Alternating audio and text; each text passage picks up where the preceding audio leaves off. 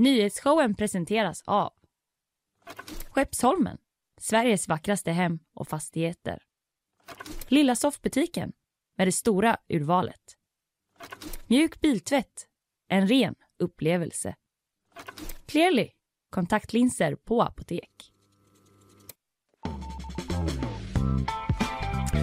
Ja, då står vi här igen. Nyhetsshowen live från GP-huset. Kalle Berg är det som pratar och det gör jag tillsammans med dig idag, Ina Lundström. Här är jag. Hur, eh, hur mår du? Jag mår bra. Jag är lite oroad. Eh, Vår producent här sa idag slår vi lyssningsrekord på efterlyssningar.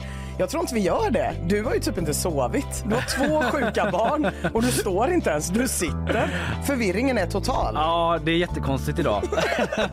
jag har legat så i en position, du vet, i åtta timmar när jag inte har stått och vaggat någon. Så jag är mäkta ont i ryggen. Men det släpper vi nu. Eh, vi har mycket att prata om idag. Eh, jag ska dra en eh, kort, kort uppföljning på hela NATO-grejen. Vi pratar ju om det hela tiden. Men Ulf Kristersson hade ju presskonferens igår där han var tvungen att indirekt be Sveriges största motvallsperson att hålla sig på mattan. Jag ska berätta lite mer om det sen. Men sen ska jag också framförallt prata om Västlänksbygget som står still. Haveri kallas det. Kontrakt har hävts med entreprenören. Hur mycket pengar Shit. blöder inte en sån grej? Åh jävlar. Mm, det Ja. ska vi ta. Ja. Du låter mycket piggare än vad jag trodde. Jag släpper alla farhågor Ja, jag jag, kan- hade en gång i tiden. Jag kan Fan alltid du, ställa lite show, showtime. Ja. Du levererar. Jag ska prata om varför de stora techbolagen avskedar så otroligt mycket människor. I alla fall så mycket som jag med min tjejhjärna kan förstå. Ja, och sen får vi gäst också. Det är Jonas von Essen som kommer dit, minnesmästaren som också just vunnit en miljon kronor i postkods, eh, postkodsmiljonären Miljonären. heter jag. Eh, som vi snackade om här i måndags. Eh, är det fuskigt att ha med en minnesmästare där? Men det känns också jättetaskigt. Var går den stenhårda gränsen? Man säger så här, måste vara normalbra på att komma ihåg grejer. Det blir också fel. Ja, jag vet inte. Jag vill ändå hylla postkodsmiljonären att de släppte in honom i rummet. Ja. För det är ju, den där, den där miljonen hänger ju löst Det gör den. när han går in genom dörren. Vi startar med en salut för postkodsmiljonären. Det jag. Ja, vi ska prata mer med honom, inte bara om det utan om annat också. Eh, sen eh, så kommer jag också prata lite om eh, en stor debunk som har skett av att sitta ner på jobbet. Ja, jag märker det. För du brukar alltid stå, men nu sitter du. Ja, nu sitter jag, men det bara blev så. Jag ska faktiskt ställa mig upp nu en stund eh, trots att det inte behövs i en ny studie. Sen är det en japan också som eh, har be- begått ett etikettsbrott Se där, ja, och fått det- skäll av sin mamma offentligt. Vi snackar världsnyhet. Japan och etikettsbrott i samma mening. Nu har jag hört allt. Eh, Jag kommer prata om att det installeras nya skyltar på spårvagnarna i Göteborg. Äntligen! Och fler Göteborgsnyheter kommer komma, både om kungen och om Ruben Östlund. Ja, det är fullmatat. Det var ju Oscars-nomineringar igår. Ja, det ska vi gå igenom lite. Stor, eh, stor dag för Ruben. Stor dag för Ruben, stor dag för göteborgarna. Ja, det får man ändå säga. Mm. Hur har du haft det sen sist? Jag har haft det alldeles utmärkt sen sist. Ja, Är det, jag- nå- det är inget du vill föra till protokollet? Nej, Något jag jag som mår- nej, det Hur mår den här vattenpölen i Majorna? Vattenpölen är liksom under kontroll. Jag har ju skickat uppdateringar till dig dagligen. Ja. Har förväntat mig att de ska läggas i nyhetsshowens flöde med olika breaking emojis. Lite kanske att jag kommer hit med ett styng av besvikelse i själen över att det inte har blivit så. Men jag jobbar vidare med annat content. Ja, jag Mm. började att lägga upp det så här kände jag att eh, nu kan folk kolla själva. Eller liksom, sätta upp någon sån live-feeds-kamera där bara och, och jobba med det. Eh, Eh, ja, du, eh, vi börjar lite grann med den här lilla NATO-uppföljningen jag har då. Det pågår ju hela tiden varje dag, eh, liksom 24-7. Ja. Men det var ändå så pass mycket igår så jag vill ändå ta en liten uppföljning igen. Eh, igår eh, så snackade ju Fanny om det här med att Erdogan sagt att Sverige inte kan räkna med stöd till sin NATO-ansökan efter alla koranbränningar, eh, dockor som ser ut som Erdogan och arga demonstrationer då bland annat i Turkiet. Sen efter sändning, det var hela den grejen som Fanny pratade om. Sen efter eh, sändning så hände en hel del saker. Bland annat så gick Finlands utrikesminister Pekka Haavisto eh, ut och sa att eh, Finland kan behöva gå vidare med NATO-ansökan utan Sverige. Va? Det är en så himla mycket sämre version av de tre musketörerna. det är någon som bara, fast inte en för alla, alla för en. Nej. Ja, kör vi. Alla, en för alla, alla för en, men bara om ni liksom löser det. det är Annars är det. to each their own. Precis. Ja, men sen kort därefter då, så ska han ha blivit uppringd av Jens Stoltenberg, Natos generalsekreterare. Och kort därefter ska Havistad ha hållit en presskonferens då. Eh, eller ska ha, han höll en presskonferens och sa att Finlands linje har inte förändrats när det kommer till att gå hand i hand in i Oj, Nato. Så då var det alla... Stoltenbergs tvångsäktenskap. Vi vet inte exakt vad han sa där Stoltenberg. Vi vet bara att tidslinjen var sådan att han ska ha ringt där mellan de här två händelserna.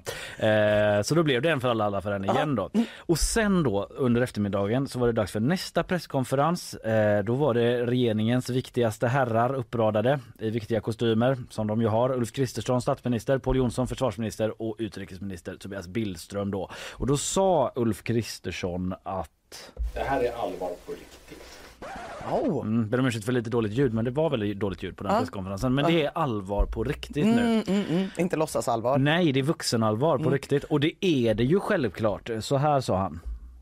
Ingen nationell säkerhetsfråga är nu viktigare för Sverige än att vi tillsammans med Finland snabbt blir medlemmar i NATO. Ingen annan fråga är lika viktig för nationell svensk säkerhet som den.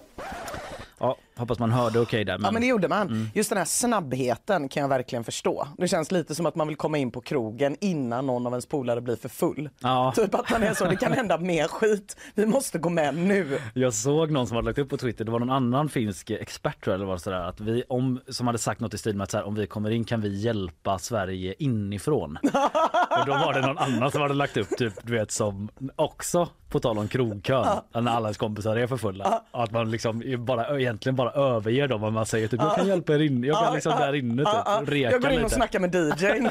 Ofta man gör. Står man där med ett ölpaket om det var tidigt 2000 i alla fall. Finns ju inte längre. Eh, I alla fall eh, så sa han och sen då så riktade han sig alltså direkt till Chang Frick. Jag vill mana alla i Sverige nu att inse allvaret i den här situationen. Det här är allvar på riktigt. Nej, det var ju till alla Mm. han riktade sig. Men eh, jag tolkade det som att han riktade sig till Chang Frick. För det var ju en annan nyhet igår om att Chang Frick, att det var hans idé att Paludan skulle bränna koraner vid Turkiets ambassad. Eller en koran. Mm. Det säger i alla fall Paludan själv till Dagens Nyheter. Och Chang Frick då, för den som inte vet, eh, Kort bio, han äger sajten Nyheter idag och medverkar dessutom eh, i Sverigedemokraternas webb-tv-kanal Riks. Så där finns ju också en sån liten koppling då. Men eh, en sorts allmän provokatör skulle nog en del Ja. säga. Och yttrandefrihetsälskare. Han är många saker, men där är några saker. Eh, Chang Frick förnekar att han skulle uppmuntra till just koranbränning säger han till SVT. Men att han sökte en reaktion mot regeringens uttalande om Erdogan-dockan eh, och liksom pressfrihet och sådär. Eh, och att Paludan nappade på det. Men sen har Expressen också tagit del av en en chatt mellan Pelleran och Frick eh, där det står att eh, Chang Frick också eh, pratade om att han kunde få tag i en turkisk flagga som kunde brännas upp. Han har liksom ändå eldat på eh, pan somewhat intended då. Men i alla fall en jobbig position för regeringen att uppmana Ja. dels då 10 miljoner svenskar, svenskar varav en av dem är Chang Frick att hålla sig på mattan. Ja. För det känns som att Chang Frick kan ju vara en av dem i Sverige som reagerar mest tvärtom Ja, på det att någon tror jag säger verkligen. Det. tror jag verkligen. det. Sluta upp med det där. Han bara, Sluta upp med Ja, precis. vad? Jag menar visst det är 10 miljoner svenskar men väldigt många är ju du.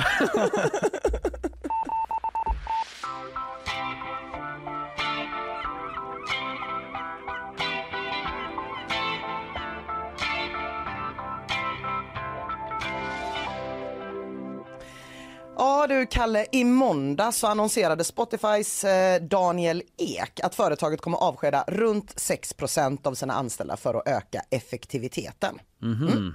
Det här då, eh, och väldigt många av de här sitter i Stockholm ska man säga. Eh, Det är bara den senaste en ganska lång rad av uppmärksammade uppsägningar inom techindustrin som har skett det senaste. Ja. Det började någon gång runt maj förra året som eh, då uppsägningarna har legat på en högre nivå än tidigare. Kurvan har inte varit helt spikrak men trenden har ändå varit uppåtgående. Och jag börjar bara med att krångla till det lite för att det är lite svårt att definiera vad som är tech och så vidare. Men det finns olika sådana här räknare som håller koll på hur många som har blivit uppsagda. Eh, en utav dem, layoffs.fyi, säger 56 000 hittills i år. En annan, Tech Downturn Tracker, säger nästan 76 000 hittills i år globalt.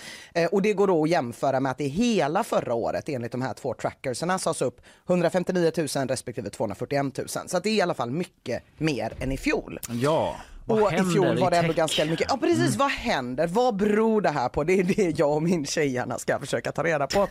New York Times ekonomiska skribent David Stretfield skriver att en lång period av jätte, jättelåga räntor är slut. Ja. Pengar är inte längre i princip gratis. ja, det känner man ju igen. Det känner man igen. Räntan har gått upp, pengar är inte gratis. Men redan där blir jag bortkollrad. Vad betyder det här egentligen, undrar min tjejhjärna. Och då gör man ju så, om man är en sån tjejhjärna, som gör att man går till en smartare tjejhjärna. I det här fallet Katrin Marsall. Ja, just det. Hon är en smart tjejhjärna och hon skrev en väldigt läsvärd text i DN i december där hon förklarade situationen på ett sätt som till och med jag kan förstå. Nämligen med hjälp av sylt och hundar. Perfekt. Eller hur? Nu är man med igen. Hon menar för att, till att börja med då att det egentligen inte är pengar som inte är gratis längre utan tid. Så här säger hon. Ekonomer brukar säga att de flesta människor föredrar att äta sylt idag framför att äta sylt imorgon. Jag vet inte om jag föredrar att äta sylt. Är det bara sylt? Ja? Ja, jag fattar att det är billigt bara talat, sylt. Det är bara sylt. Eh, och, men, eh, tänk marshmallows då, Ja. eh, för att ta marshmallows-testet. Och den som är beredd att vänta med att öppna sin syltburk Ja, kan ta betalt för det Mm. besväret.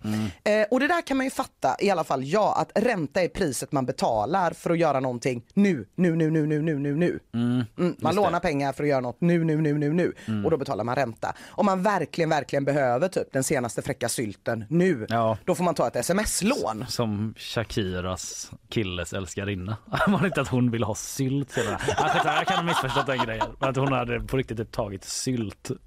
Där, det var så de blev påkomna. Något i den stilen. Ja men du hör ju. Ja, Du hör ju. Alla vill ha sylt. Det här är någonting vi förknippar med människor som eh, den här personen som du pratar Ja. om. Eller kanske folk som är med i Lyxfällan. Så här kan det väl inte funka i Silicon Valley. Jo, ungefär då. Eh, Marsal skriver om den påhittade killen Mons som är 23 år gammal och har uppfunnit en app för att koppla ihop hundägare och hundpromenerare. Ja. Smart app. Smart. Borde finnas, finns säkert. Och i det här fiktiva exemplet så hoppas ju han att hans app ska bli den enda appen på marknaden så han kan tjäna hur mycket pengar som helst. Mm. Men just nu är det nästan ingen som använder den och dessutom är den gratis. Så han tjänar inga pengar på den här appen och det kommer ta flera år innan appen blir lönsam. Men Måns vill ju anställa programmerare och åka runt i en Tesla som Mm. Ja. alla andra sköna Han måste- startup-killar. Måste vara snabb med det. Han måste vara snabb. Han behöver det nu, nu, nu, nu, nu. Eh, så han skaffar då investerare som Ja. kan lägga ut det med pengar Ja. mot att de, när hans app har tagit över världen, kommer få enorma mängder sylt eller pengar. Ja, Mm. jag förstår. Precis så här då har en massa människor bakom framgångsrika företag gjort och väldigt många investerare har tjänat enorma pengar på det.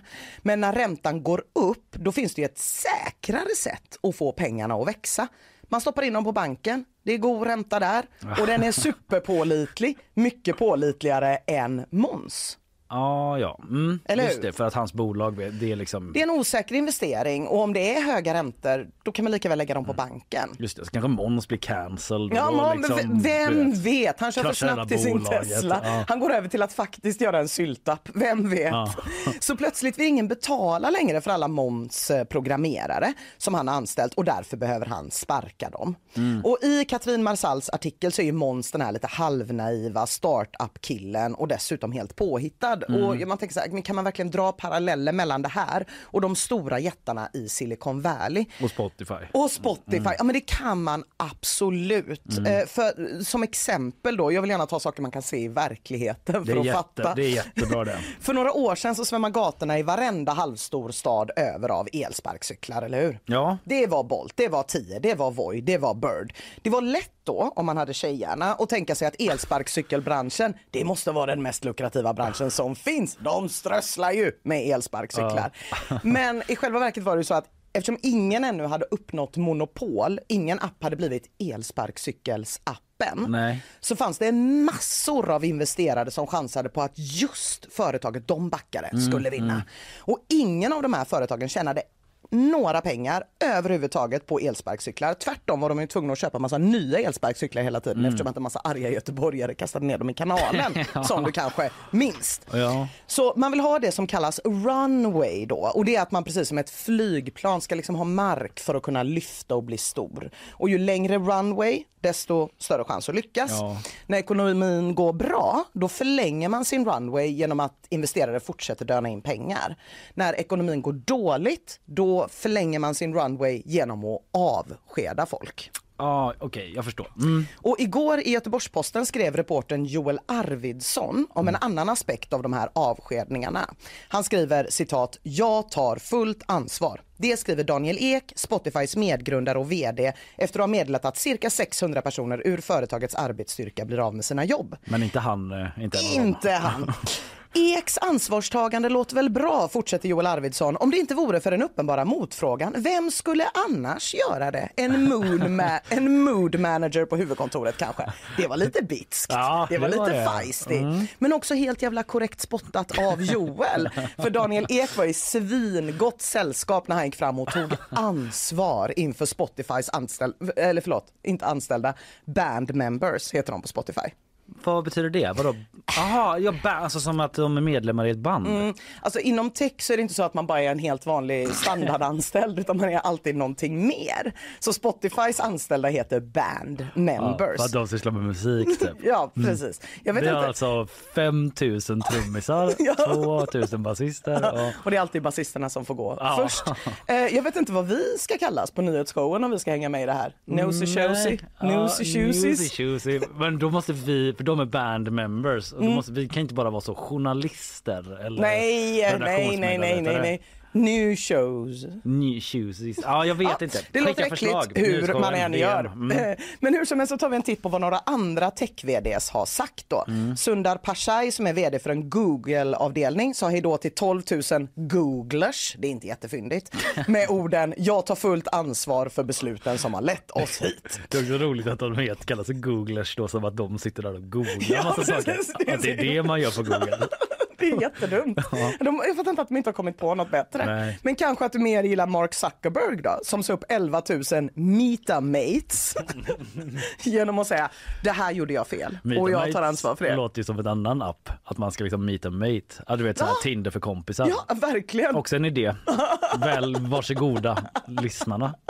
Finns, finns ju såklart säkert. Ja, Mm. nej, men de har bett om ursäkt allihopa. Eh, Elon Musk då bad ju självklart inte om ursäkt när han sparkade ungefär hälften av Twitters tweeps. Han var lite mer typ så, dra åt helvete. Typ. precis. Eller snarare skicka fram den förre CEOn Jack Dorsey Aha. som fick göra det istället. Mm. Och han sa, jag förstår att många är arga på mig. Eh, det är mitt ansvar, Jack Dorsey då, att vi har hamnat i den här situationen. Jag lät företaget växa för snabbt och jag ber om ursäkt för det. Det där låter tycker jag som en sån här kinesisk låtsasrättegång. Typ att han ska stå där och be om ursäkt. Det är fan deppigt. Och man behöver lite variation och som tur är så finns det vd som kör en annan strategi. Andy Jesse sparkade 18 000 18 000 Amazonians eh, och sa ungefär förkortat då till er som får sluta, tack för ert jobb. Verkligen tack. Och till er som stannar, nu kör vi. Så han körde ihop ett mot- motivational speech för de som var kvar med avskedning. Det, var- det var ganska hårt. Ja, det är ju mo- motivation by fear lite grann. Lite så. Men vet du vilka som har det absolut sämsta namnet för sina anställda? Nej. Klarna.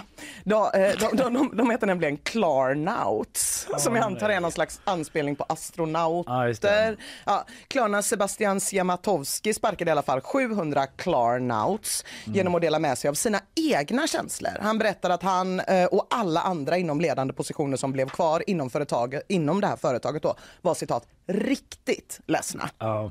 stackars vdarna, de har ju inget val. Eller, alltså om man ska tro en Stanford-professor, och det tänker jag att man ska. Ja, de har väl ändå viss... De har väl viss tyngd. liksom- Det finns en sån i affärsjuridik som heter Jeffrey Pfeffer. Så säger han, eh, eller han sa så här i Stanford News i december. Uppsägningarna i techindustrin är i stort sett en slags social smitta där företaget imiterar vad andra företag gör. De är resultat av härmning och inte evidensbaserade. Resultat av härmning. Resultat av härmning. Är inte det fruktansvärt deppigt? Om 60 till 70 000 personer i år har förlorat sitt jobb för att techchefer är härmare. Ja men de är ju det också med alla de här, eller ett ytterligare bevis för det Mm. alla de här Klarnauts och Ah. Metamates att de alla måste ha eh, De här namnen. smeknamn och liksom Precis. bete sig sådär och Ja. köra Tesla och ha så Patagonia Exakt, så det och- känns ju ändå som att det kan ligga någonting i detta. Och om det är så så önskar man ju mycket hellre att det är någon IT-bubbla som spricker som det var i början av 2000-talet eller att det bara helt enkelt beror på lågkonjunktur för det känns ju ädlare typ. Och liksom Pfeffer säger absolut, företag har övervärderats, en lågkonjunktur kan vara igång men det är inte därför företagen sparkar folk, de gör det för att andra gör det. Och så här, tyvärr blir det också så i den här artikeln att han hänvisar till folk han har pratat med, vilket jag inte tycker låter svin evidensbaserat. Men ändå, eh, de har då berättat för honom att det är dåligt för företaget att sparka folk, men att de gör det ändå eftersom deras styrelser säger alla andra sparkar folk. Varför gör inte Aha. ni det? Men är det som någon sorts eh, symbolpolitik då för att visa att vi stramar åt här nu, vi tar det på allvar men att Precis. de inte skulle behöva göra det då? Nej, men att, och att de här nya investeringsrundorna då som händer med de här riskkapitalisterna, att de säger att ah, men vi kan väl gå in och investera lite mer pengar men då måste ni sparka för alla andra Slimma sparkar. till det. Det är hans teori här då. Mm. Jag ska också säga att han antyder att färre hade gjort de här misstagen om de bara hade köpt hans bok. Så vi kanske ska ta Pfeffer med en pytteliten nypa salt. Men han avslutar intervjun lite hoppfullt i alla fall med ett exempel på hur det kanske hade gått att göra istället. Ja. Han tar ett exempel som är företaget Lincoln Electric som enligt professorn lät alla anställda gå ner 10% i lön istället för att avskeda 10% av personalstyrkan. Cheferna fick gå ner mer än 10% Han beskriver det som att istället för att ge 100% av smärtan till 10% av folket gav de 100% av folket 10% av smärtan. Det tycker jag låter väldigt fint. Jag förstår inte exakt hur det ska gå till eftersom att Pfeffer inte använder sylt och hundar när han beskriver det här. Nej, Eh, jag förstod mer i början. Ja, eller hur? Vi- Eh, och också för att när man gör en snabb googling på det här Lincoln Electric så verkar det som att de så sent som 2009 sparkade 10 av, sin special, av Okej. sina besökare. Så det är lite oklart, men här är i alla fall några av anledningarna till att vi är där vi är idag.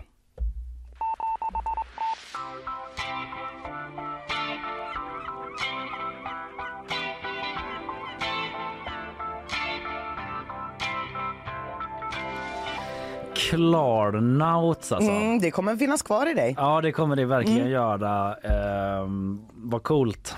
vad coolt smeknamn. Men vi får be folk skicka in på nyhetsshowen på Instagram kanske vad vi ska kallas. Ja. Jag tror inte folk kommer göra det. Tror inte heller folk kommer svårt. göra det. Mm. Men eh, fundera på det där ute i alla fall.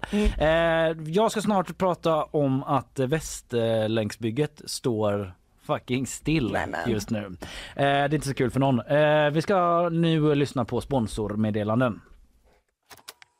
Nyhetsshowen presenteras av Skeppsholmen, Sveriges vackraste hem och fastigheter. Lilla soffbutiken med det stora urvalet. Mjuk biltvätt, en ren upplevelse. Clearly, kontaktlinser på apotek. Ja, snart blir det Västerlänks snack. Det händer grejer, men innan det så ska vi få ett nyhetssvep och då säger vi välkommen till Sofia Magasanik. Hej, jag har inte gjort samma power move som jag alltid gör mot Isabella. Eh, knäcker henne sakta mentalt genom att inte sätta på hennes mick och det gjorde jag mot dig också nu, tyvärr. Tack. Hur är läget? Vad glada vi är för att du är här och hoppar in. Ja, tack så mycket. Det känns jättekul att vara här. Ja, toppen. Eh, du, eh, jag lämnar över till dig helt sonika här så tar vi oss ett litet nyhetssvep. Förlåt vad rörig jag är. Varsågod. Men, varsågod. En man i 35-årsåldern misstänks för flera fall av misshandel i Göteborg under tidig tisdagskväll. Bland annat ska en person ha förts till sjukhus med allvarliga skador efter att ha blivit överfallen och misshandlad under en joggingtur. Den misstänkte gärningsmannen ska enligt uppgifter till polisen ha gett sig på joggaren helt oprovocerat och efter ytterligare tre fall av misshandel kunde gärningsmannen gripas. Totalt misstänks mannen nu för fyra fall av misshandel. Gula och orangea varningar är utfärdade för flera delar av Sverige under natten mot onsdagen. En orange varning är utfärdad för mycket hård vind i kombination med snöfall i norra Lapplandsfjällen. Men även här i södra Sverige har SMHI utfärdat ett flertal vädervarningar då för höga vattenflöden och översvämning. Minst tio personer saknas efter att ett fraktfartyg under natten sjönk i havet mellan Japan och Sydkorea. Fartyget skickade ut nödsignal redan sent under tisdagskvällen lokal tid. Men bara några timmar senare ska fartyget ha sjunkit. 12 besättningsmedlemmar har räddats men bara en av dem uppges ha varit vid medvetande. Vid sextiden på onsdagsmorgonen fanns ännu inga rapporter om dödsfall i samband med olyckan. Tack för det Sofia. Du är tillbaka om en stund igen och ger oss fler eh, nyheter. Vi ska gå vidare. Är du en sån västlänksfanatiker som har väldigt mycket åsikter privat om det? Absolut. Eh, nej men det är jag. Det är frustrerande. Ja, vem, vem har inte åsikter om Västlänken? Jag ska prata lite om hur det går med hela bygget nu alldeles strax. Tack Sofia. Vi hörs om en stund. Tack.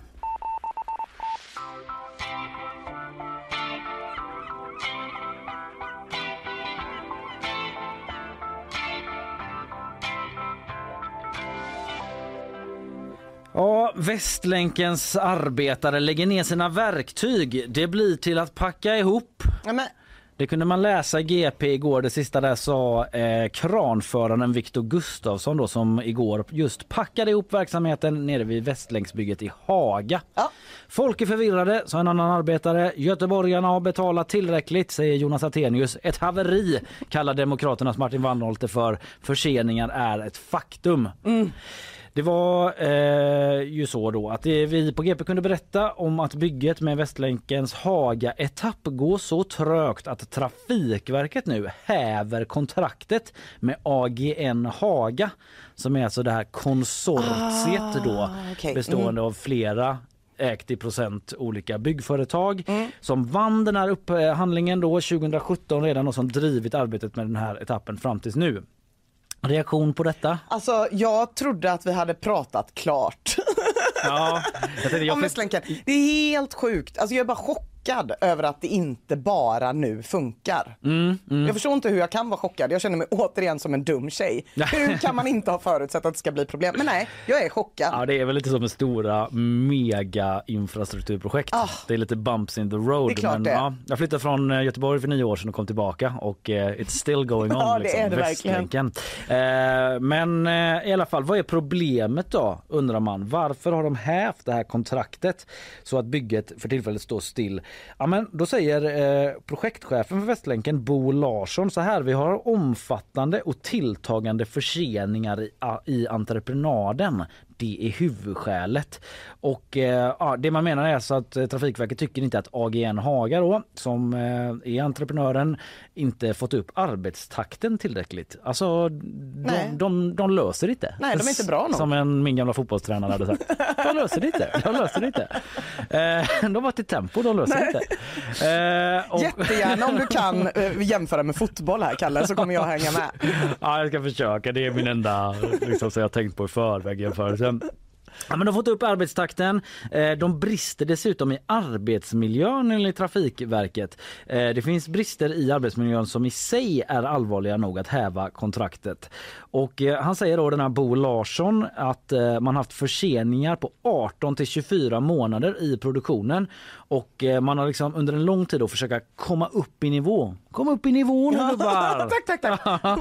Eh, men eh, till en produktionsnivå som är rimlig. Men vi har sett att man inte förmår det, säger Bo Larsson. Då. Men vem ska göra det bättre? Det känner jag. Ja, det får man se. Vi kommer lite framåt och vad AGN själva säger ska jag också komma till givetvis. Eh, men eh, ja, dels kommer man inte upp i takt. Dessutom är det farligt då. Bo Larsson säger att man haft både tillbud och olyckor eh, som det rapporterats om. Dels från sprängningar men också i samband med skred på arbetsplatsen i närheten av schakt. Låter inte så bra va? Det låter svindåligt. Det säger eh, Bo Larsson och dessutom, eh, ja nej men det säger han och vi återkommer till AGNs version för de har en annan bild. Eh, men den här etappen då som det handlar om, för det är inte hela Västlänken Nej. men en bra bit av det. Det handlar alltså om 1700 meter tunnel eh, samt den här megastationen som ska vara i Haga då. Ja, det är alltid kring den det händer. Ja, där händer det grejer eh, och eh, den här etappen startar vid Kvarnberget som är det här berget över liksom, som tonar upp sig över operan där. Ja. Bredvid Nordstan över Kronhusbodarna typ som liksom fortsätter under allén och så in till Haga och sen ska den fortsätta mot Landala torg där den etappen avslutas. Det är 1700 meter, ett kontraktsvärde på 2,3 miljarder kronor enligt 2017 års penningvärde då, läser jag från GP. Det är den sträckan vi snackar om då där det alltså står still och eh, nu då eftersom man gör sig av med det här bolaget så ska man dela upp den sträckan på fem eller sex bitar på mindre kontrakt. Nej! det känns inget bra Nej, det känns inte bra i magen. Hade du velat vara samordnare Ja, men jag vill bara mindre... att de ska byta det mot något liknande. Det här Ja. låter så jävla jobbigt. Okej, ja. Mm. Ja, men Bo Larsson säger i alla fall att eh, de eh, Det inte har... blir det eh, minsta jobbigt. Nej, men han säger att man har förberett den här Ah, upphandlingen okej. tidigare. Så Oh. det är inte som att man helt yrvaket bara ger Nej, sig ska ut på börja typ upphandla. marknaden. Nej, har vi ja. fem, sex bud här? Första, andra? Jaha, inga mer. Nej, men eh, det, det ska de ha förberett då på något sätt. Mm. Eh, och, eh, men allt detta gör ju såklart att bygget drar ut på tiden. Och när saker drar ut på tiden i byggsvängen, då kostar det pengar. Det vet Mm. Det alla det. som har haft en hantverkare hemma. Det, det, det, så är det Har absolut. du ingen eh, tj- tj- tjotving, för då måste vi åka och köpa det och det Ja. kostar ju såklart och då blir det utlägg på det och det är bensin och det, är det, ja. Mm. och sådär. Men så funkar det ju, alla ska ha sitt liksom. Ehm, eh, och då drar det ut på tiden. Västlänken kommer inte stå klar till 2026 som Trafikverket tidigare hävdat. Det är om Nej. tre år. Nej men det trodde väl ingen. det är det man har sagt. eller? Jo, Det känns jo. helt sjukt. jo men ingen har väl trott att om tre år. Nej, men kanske för tio år sedan tänkte man så här om 13 år. Ja, ja, ja, visst. då ja. ja. Men nu är det bara tre år kvar. Bara, nej, Nej. snälla. nej, men Bo Larsson och gänget de hoppas i alla fall att centraletappen kommer vara färdig i tid. Mm. Som är alltså en annan etapp då och att man ska kunna använda den som en säckstation tills vidare. Alltså att tågen kör in där och vänder. Ah. Inte det där smarta att de ska kunna gå runt runt utan säckstation som centralen är idag. Så som det är idag. Den är lite bökig att alla ska in där så ska Ja, alla ut och så ska man tajma. Det blir aldrig så här. Nej. Mm. Det är liksom det man vill bort ifrån. Men då får man börja så och sen koppla på den här svängen. Det är som att man sitter med någon sån SimCity eller så Brio-tågbana eller så. men det blir lite sämre bara. Ja, tills vidare då. Men sen, sen är förhoppningen att man ska kunna koppla på detta. Eh, Var det en fotbollsreferens? Ja, det blir det också. Mikael, Mikael Stare kommer in och ser till att allting är påkopplat. Det är det han brukar prata om. Påkopplade. Vi är inte påkopplade i nuläget. Vi kommer bli påkopplade framåt 2030 kanske. Nej, men det är oklart hur lång förseningarna blir. Låt mig få återkomma om det, säger Bo Larsson. Vi sitter nu och gör de analyserna. Stressigt för någon siffernisse där. Ja, det är riktigt hårda. Ja, åh gud. Är analysen klar? Nej, Nej, den är absolut inte inte, klar. Det är Kan- fem, sex kontrakt som inte ens är färdiga. Men vi hade ju skickat ut en liten, en liten förberedande tanke till folk om att vi kanske skulle vara sugna att upphandla. Har inte det snabbat på siffrandet? Nej, Nej det har det inte. Ja, det är inte klart. GP frågar i alla fall, kommer de ens vara klara på den här sidan om 2030? Den frågan ställer vår reporter. Eh, det är absolut vår ambition. nej, men nej, det är inte svaret man vill ha. Nej, vi får se. Det är väl svårt att svara något annat när det är så mycket som är uppe i luften. Då. Mm. AGN Haga, konsortiet som består av olika byggbolag då, som jag nämnde, som har fått sitt kontrakt hävt. De säger att de blev överraskade av den här hävningen. De fick beskedet via ett pressmeddelande igår, det säger styrelseordföranden! Alejandro Urciolo. Det är ju som en tech layoff. Ja. Att man liksom så här, ah, nu går det ut ett allmänt meddelande till alla. Det är deras bild. Sen har de ju haft en dialog under en längre tid där de har varit oense om vad de här eh, eh, förseningarna som jag pratade om inledningsvis, den här arbetstakten, eh, varför man inte kommer upp i nivå där. Det har man liksom lite olika bild av. Han säger i alla fall citat då till oss på GP. Vi fick mejlet för 15 minuter sedan. Vi sitter och försöker analysera vad det innebär. Vi visste att det här fanns som en tänkbar åtgärd, men det kommer ändå som en överraskning. Så Ja. det var ändå att de lite hade de det i bakhuvudet. Men jag då. menar, de har ju döpt sig efter det här jobbet. ja, Det är som att jag skulle döpa om mig till Ina nyhetsshowen Lundström. Mm. Och sen och sen bara- så bara, nu finns det, nu får inte jag jobba kvar. så kommer Carl in och bara, du löser det inte. Nej, nej men jag, det står ju på mitt pass. Jag kom precis till lösenordet. Jag har inte varit så påkopplad som vi vet. Fan också, jag har bytt namn. Ja, då får man byta namn igen då. Ja. Eh, Men åsikterna då går isär som sagt om vems fel det är med den här förseningssituationen. Eh, Den här styrelseordföranden vill själv inte uttala sig om just det just nu. Eh, Han säger annars att det finns noll problem med arbetsmiljön. Noll, Noll? han. Ah. Eh, Att det till och med finns utomstående granskningar som visar på det. Så där har man också en Oj. väldigt eh, delad Ja, det får man bild. säga. Det Ja. återstår väl att se om man kan liksom titta på det närmare då. Men där går meningarna helt isär om hur farligt det är på arbetsplatsen. Och nu har ju förstås också Göteborgs politiker reagerat och uttalat sig. Martin Wannholt från Demokraterna, han säger att skolan och förskolan eller sjukvården ska inte behöva bidra med en krona. Han eh, liksom liknar det här vid ett Ah, haveri och liksom, det ska inte gå ut över göteborgarna nu. Eh, det säger även Jonas Attenius. Göteborgarna har eh, betalat tillräckligt. Eh, och han säger också att han fattade vissa misstankar redan när AGN fick kontraktet. Nu är Jonas Attenius kommunstyrelsens ordförande. Det Ja. var han ju inte då 2017. Eh, eh, men han säger så här, hur i hela hissingen ska man kunna göra det jobbet för den pengen? Säger han till GP och då syftar han på 2017 när etappen, den här som vi pratade om, upphandlades. Mm. För då var AGNs bud, det funkar ju så att alla entreprenörer får lägga bud. Så Ja. vi kan göra det för den här pengen och så ska det uppfylla vissa standarder och sådär. Men då var deras bud en miljard kronor lägre än det näst billigaste anbudet. Och det ska ju kapas någonstans ifrån va? Ja, superbilligt då Mm. och dessutom så gjordes en ranking av entreprenörernas skicklighet läser jag på gp.se och där hamnade AGN klart lägst. Nej men va? Ja, så Jonas Attenius bara, vissa misstankar fattas från Jonas Attenius. Han bara, hmm. Kanske var han en av fler som kände så, men det var i alla fall, låt de här killarna och tjejerna på AGN få chansen nu. Låt De är så testa. jävla billiga. Vad är det värsta som kan hända? Och sen bara fast forward, go! Nu har det blivit paus, grus i maskineriet. Mm. Ja, räknenissarna intended. har fått ischias. Ja, men enligt Jonas Astenius då eh, så eh, är det som händer härnäst nu. Vad händer härnäst? Jo, men då säger han att det är en fråga för regeringen att företaget inte fullföljt sitt avtal mot staten. Aha. Ja, så eh, det är därifrån pengarna borde komma då. Eh, om jag tolkar både Vanholt och Men eh, staten är svinupptagna med Chang Frick. Hur ska de ha tid med det här? ja, ja, precis. Eh, Det, ja, det, det är knepigt. Det är knepigt. Ja. Eh, Vem hade kunnat tro när man sjösatte ett megastort infrastrukturprojekt att vi skulle stå här idag? Look at us. Look at us. Huh? Who would have thought? Not me. Det var liksom ljud från AGN Haga och Trafikverket när de satt där. Vi får följa detta självklart. Jag rekommenderar vidare läsning för det är väldigt svårt att sammanfatta allting. Men det finns eh, tre just nu fina artiklar på gp.se där man kan gå in och läsa mer om det här och eh, vi eh, är ju på det som hökar självklart eh, Västlänken. Denna stora, stora fråga för denna halvstora stad.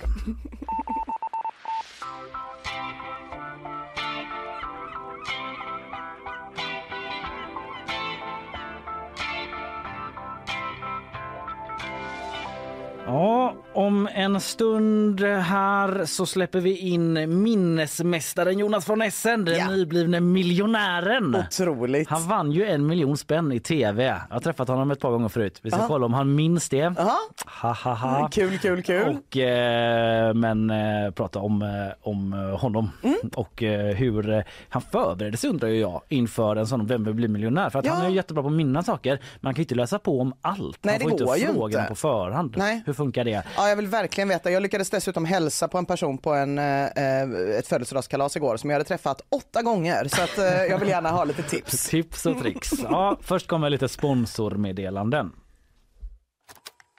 Nyhetsshowen presenteras av Skeppsholmen, Sveriges vackraste hem och fastigheter. Lilla soffbutiken med det stora urvalet. Mjuk biltvätt. En ren upplevelse. Clearly. Kontaktlinser på apotek. Jonas von Essen, eh, han har ju rekord i världen på att memorera siffror i pi också. Ah. 26 000 och sånt där kom han på. Mm, satt man så på nålar när han bara 7, 0, 2, 3. Sen bara, där tog det slut. Fan vad bra! Följer hela den tävlingen. Eh, häng kvar en 30-40 sekunder så släpper vi in Jonas och fyller på våra kaffekoppar. Ja, Alright, onsdag 25 januari har vi Gina Lundström och Kalle Berg är det som sänder nyhetsshowen live från GP-huset. Och nu har vi fått hit dagens gäst. Han är minnesmästaren som i lördags vann en miljon i Postkodmiljonären. Nu är han hos oss i nyhetsshowen för att prata om hur enkelt det var egentligen och hur det är att leva då med världens bästa minne. Är det gött eller är det lite jobbigt ibland också? Välkommen Jonas von Essen. Tack så mycket. hej Jonas. Får jag börja börja med en tjejfråga bara? Vilket är ditt första minne? Um, alltså ett av mina tidigaste minnen är när min kompis Oskar eh, jagade mig med en snorkråka på dagis. Traumafest. ja, det sitter väldigt tydligt.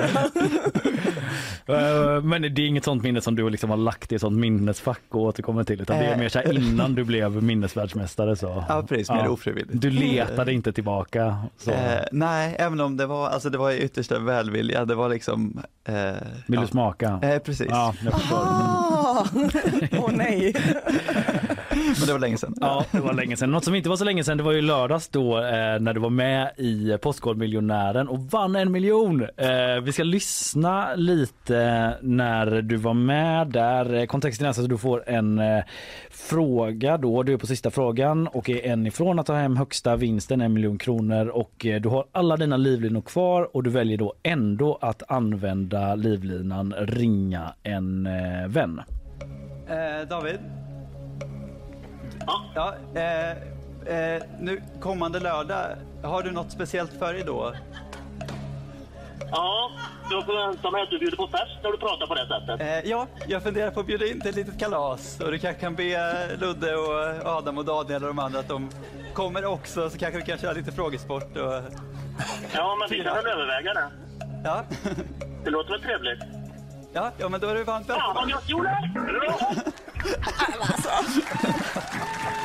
Fy fan. Det är, det är det snyggaste i svensk televisions, televisionshistoria. Gåshuden. Otroligt. Alltså hur säker, hur säker var du på det här svaret? Alltså, jag var, när jag såg svaret så kände jag så här, nej men liksom, ja, ja, ja, det här kan jag, Ja. eh, det här kan jag nog. Men sen när jag satt där och började fundera på, för då började jag tänka så här, okej, ja men jag tror jag kan det här, så ska jag göra något kul med den här livlinan. Men då när jag, när jag verkligen såg det som en eh, möjlighet så, så började jag också fundera på eh, hur det skulle bli om, om det var fel. Ja, ja. Och att det skulle bli så totalt eh, liksom, patetiskt att jag skulle kasta bort livlinan och sen svara fel, liksom svara och så åka ner. Då, Ja, fast det hade också varit riktigt kingigt i och för sig. Men för du använde ändå de andra livlinorna också då? Eh, ja, precis. Eftersom jag blev lite skakig då efter att jag hade gjort det som samtal. Alltså, snygg ägning. Det dök ju upp då på redaktionen någon vaken jäkel här som eh, osökt kom att tänka på ett gammalt klipp från den amerikanska förlagan Who wants to be a millionaire. Vi kan lyssna på det. Just det. Uh, hi, Dad. Hi. Um, I don't really need your help. I just wanted to let you know that I'm going to win the million dollars. Hade du hört det klippet innan? Eh, eller var det ja. någon på Postkodmiljonären? Eller är det så kan vi få ett scoop att det är uppgjort så? Kan inte du göra den här grejen? Vi tror ju att du kommer vi klara detta. Liksom. Eh, nej, jag hade sett klippet innan, Ja. eh, men det var inget som var uppgjort utan det var bara jag som, eh, Ah, som ja, det visste var- om det. Eh, snyggt. och, jag visste, jag ville ju inte liksom egentligen kopiera honom, men eh, det kändes som jag vet inte, om man är där uppe och så kan man svaret så finns det inte så mycket annat man kan göra än att ringa ett roligt samtal. Nu så försökte jag göra lite annorlunda. Ja, det gjorde du. Det var ändå bra. Det blir ju bra tv. Du vet ju hur man spelar boll med TV4 där. Kanon. Jag respekterar det. Men du, eh, jag måste fråga då. Det, det, det är liksom den första frågan som eh, dök upp i mitt huvud nästan. När jag, vi snackade om det här i måndags liksom, när nyheten kom. Eh, för eh, du har jättebra minne och du kan memorera massa siffror och allt möjligt liksom. Men det här är ändå ett frågesportprogram. Du vet ju inte vilka frågor som kommer på förhand. Har du då läst på svin mycket eller hur hjälper dig dina, liksom, ditt goda minneskunskap i just eh, en sån här frågesportsammanhang? Eh, ja, jag har läst på svinmycket. Ja du har det? ja, alltså med hjälp av minnesteknikerna då. Ja, för du har den här att du placerar in olika, för jag- jag har pratat med dig förut så här, men att du har eh, kan du berätta bara så alla hänger med hur det funkar det där? Eh, precis, eh, det är inte säkert att alla hänger med ändå för det låter ganska konstigt när man Mm. beskriver snabbt men eh, det går ut på egentligen att jag tar det jag vill komma ihåg, kopplar det på något sätt till en bild Mm. och sen så stoppar jag in den här bilden eh, i mitt minnespalats då som är liksom en, eh, en mental eh, version av Skövde till exempel, där har jag många bilder. Mm. Eh, så om jag ska minnas ja, men USAs presidenter, då kanske jag lägger dem eh, i Stadsbiblioteket i Skövde liksom i ordning Mm, eh, i mm. form av olika bilder. Så kan du ta en promenad där så att säga. Precis. Ja. Vad, vad, vad är det för tema på Skövde domkyrka i din hjärna? Eh, där har jag några, ja, ungefär 500 pidecimaler är det bara. Det är ganska mycket som är För andra människor en domkyrka. Eller det är så, Ina ursäkta det är väldigt personligt. Den heliga domkyrkan. Men eh, just för sista frågan då, det var ju vilken arkitekt som ritat två städer i Indien, något i den stilen va? Ja, precis. Och rätt svar var Le Corbusier. Ja. Hade du läst på om det? Hade du Le Corbusier liksom någon eh, pressbyrån i Skövde där någonstans? ja, precis. Jag hade läst, vid något tillfälle så måste jag ha läst om det här. För jag hade liksom, i det här fallet så hade jag en bild av den här staden, lite hur det såg ut liksom. Den indiska? Eh, ja, precis. Ja, mm. Eh, och sen så hade jag en liten, det var en ganska liten bild, men det var en liten eh, liksom kråka som hoppade runt där i staden. Och det är min bild då för Corbusier, för det betyder något så här Ja just det, det låter lite... Det är så jäkla smart om man tänker så här, så ska jag börja göra. Nej men det är sjukt vad hjärnan kan Ja. och hur dålig ens egen är känner jag när man hör det här. Ja, för jag menar, eh, du kan ju inte hålla på så hela tiden med allt du läser, eller? Ehm, När kan du slå av och på det här, eller hur funkar det? Alltså jag kan, det är väldigt mycket, om jag inte försöker använda det så använder jag det inte eh, av sig självt utan jag, jag väljer liksom när jag vill använda det. Så att när jag läser något som jag vill minnas specifikt eller lära Mm. mig då, då använder jag teknikerna och gör dem till bilder. Men annars som du säger i vanliga fall när jag går igenom vardagen så är det inte så att jag försöker memorera allt som händer utan Mm. för det mesta är jag som en vanlig person men ibland kan jag gå in i en telefonkiosk och Ja, ser dina kompisar det på dig? Att bara nu sitter du och minns. Eh, ja, Nu har du det- bytt det tror jag mode. att de gör. Ja. nu har du lämnat dosläge och gått in i något mer avancerat. Ja.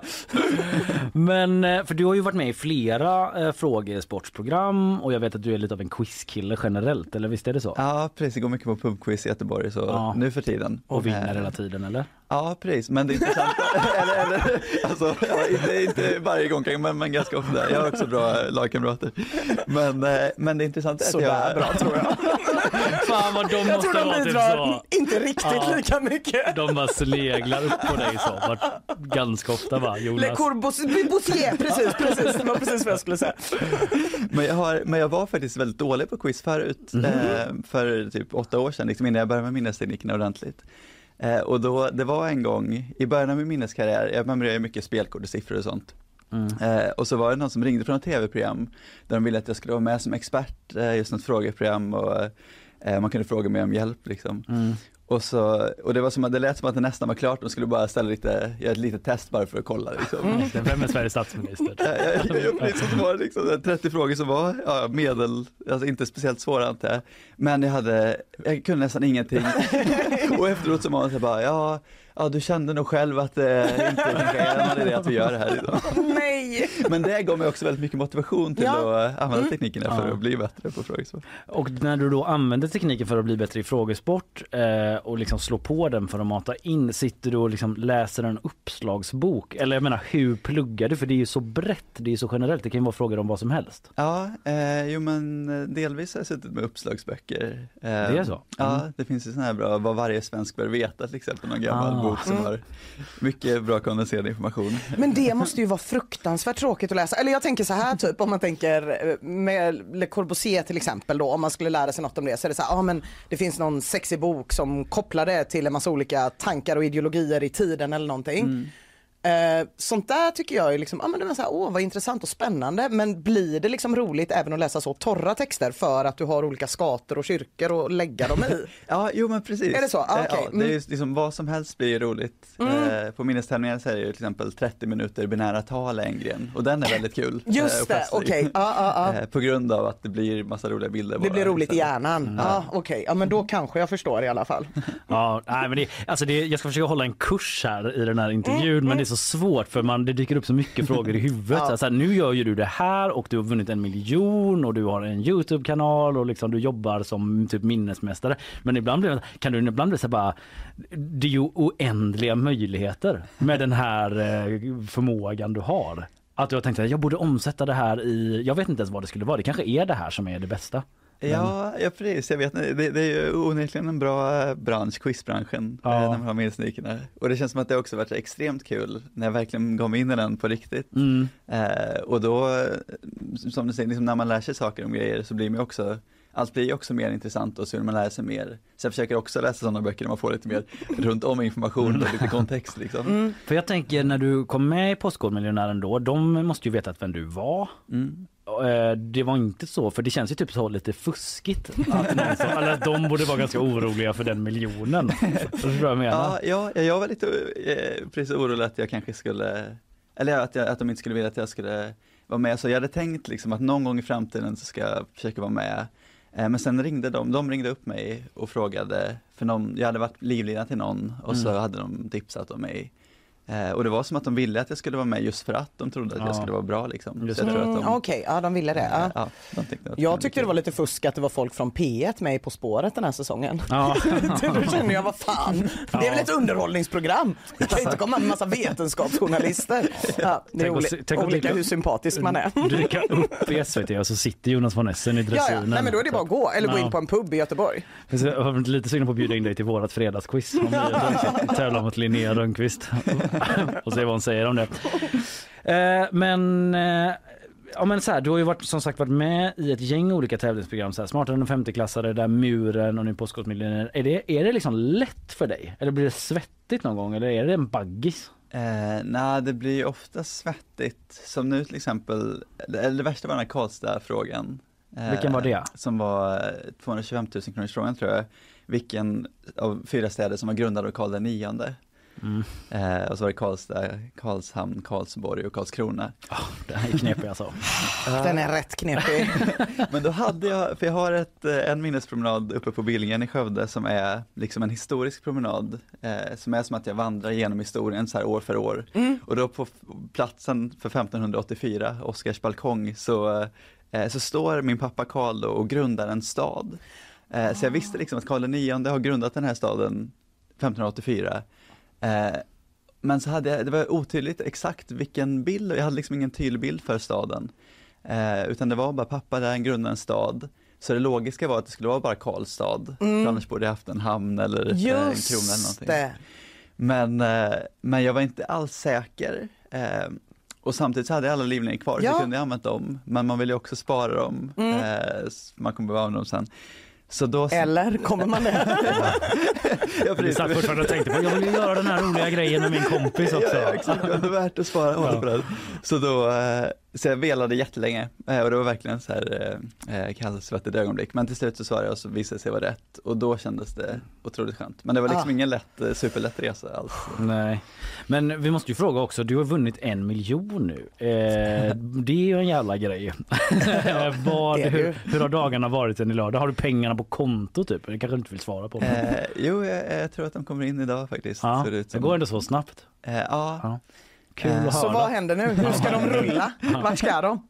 ja, nej men, eh, jag vet, alltså enda, de enda planerna som jag haft, eller som jag också nämnt i programmet, är att jag ska köpa nya färgglada strumpor och det har jag, de har jag på mig. Wow, mission accomplished. Vi ser dem här. Mm. Ehm, och det, ja, sen så, eh, sen vet jag inte riktigt, jag har liksom inga, alltså jag har väldigt billiga vanor, det är ju bara, jag sitter och går runt i mina minnespalats, eh, spelar också improvisationsteater som också är liksom ingen rekvisita, ingenting som kostar någonting. Nej. Glömmer sällan repliker. Eller improvisation. för lätt med vanligt teater.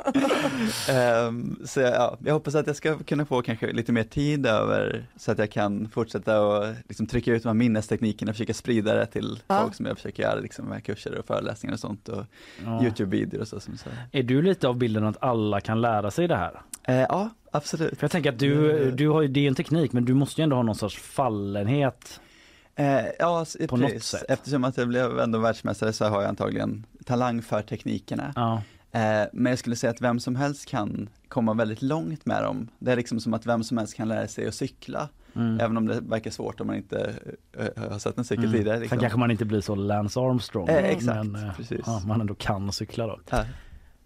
Alltså man blir ju sugen, man blir sugen på att gå hem nu Ja. och försöka göra det här. Ja. Men jag, är också så himla säker på att jag kommer vara så dålig. Så det är som att man inte har gluttat på locket. Då Ja. kan man ju vara en minnesmästare in the making så länge man inte testar. Man måste kanske sätta upp något mål för oss. Ja. Att vi ska testa, jag vet inte om det är en rolig idé, det är ju det så här i stunden, men att vi ska testa och lära oss hela så kungalängden. Ja, för Eh, de typ alla är ju- Sveriges statsministrar och så gör vi en sån här. Jag skulle vilja påstå att det är omöjligt just kungar. De har för lika namn. Men eh, du motbevisar ju det. Det sägs att jag kunde det när jag var liten. Alltså? Att vi hade en sån affisch. Eh, Min mormor sa det men jag vet inte om det är sant.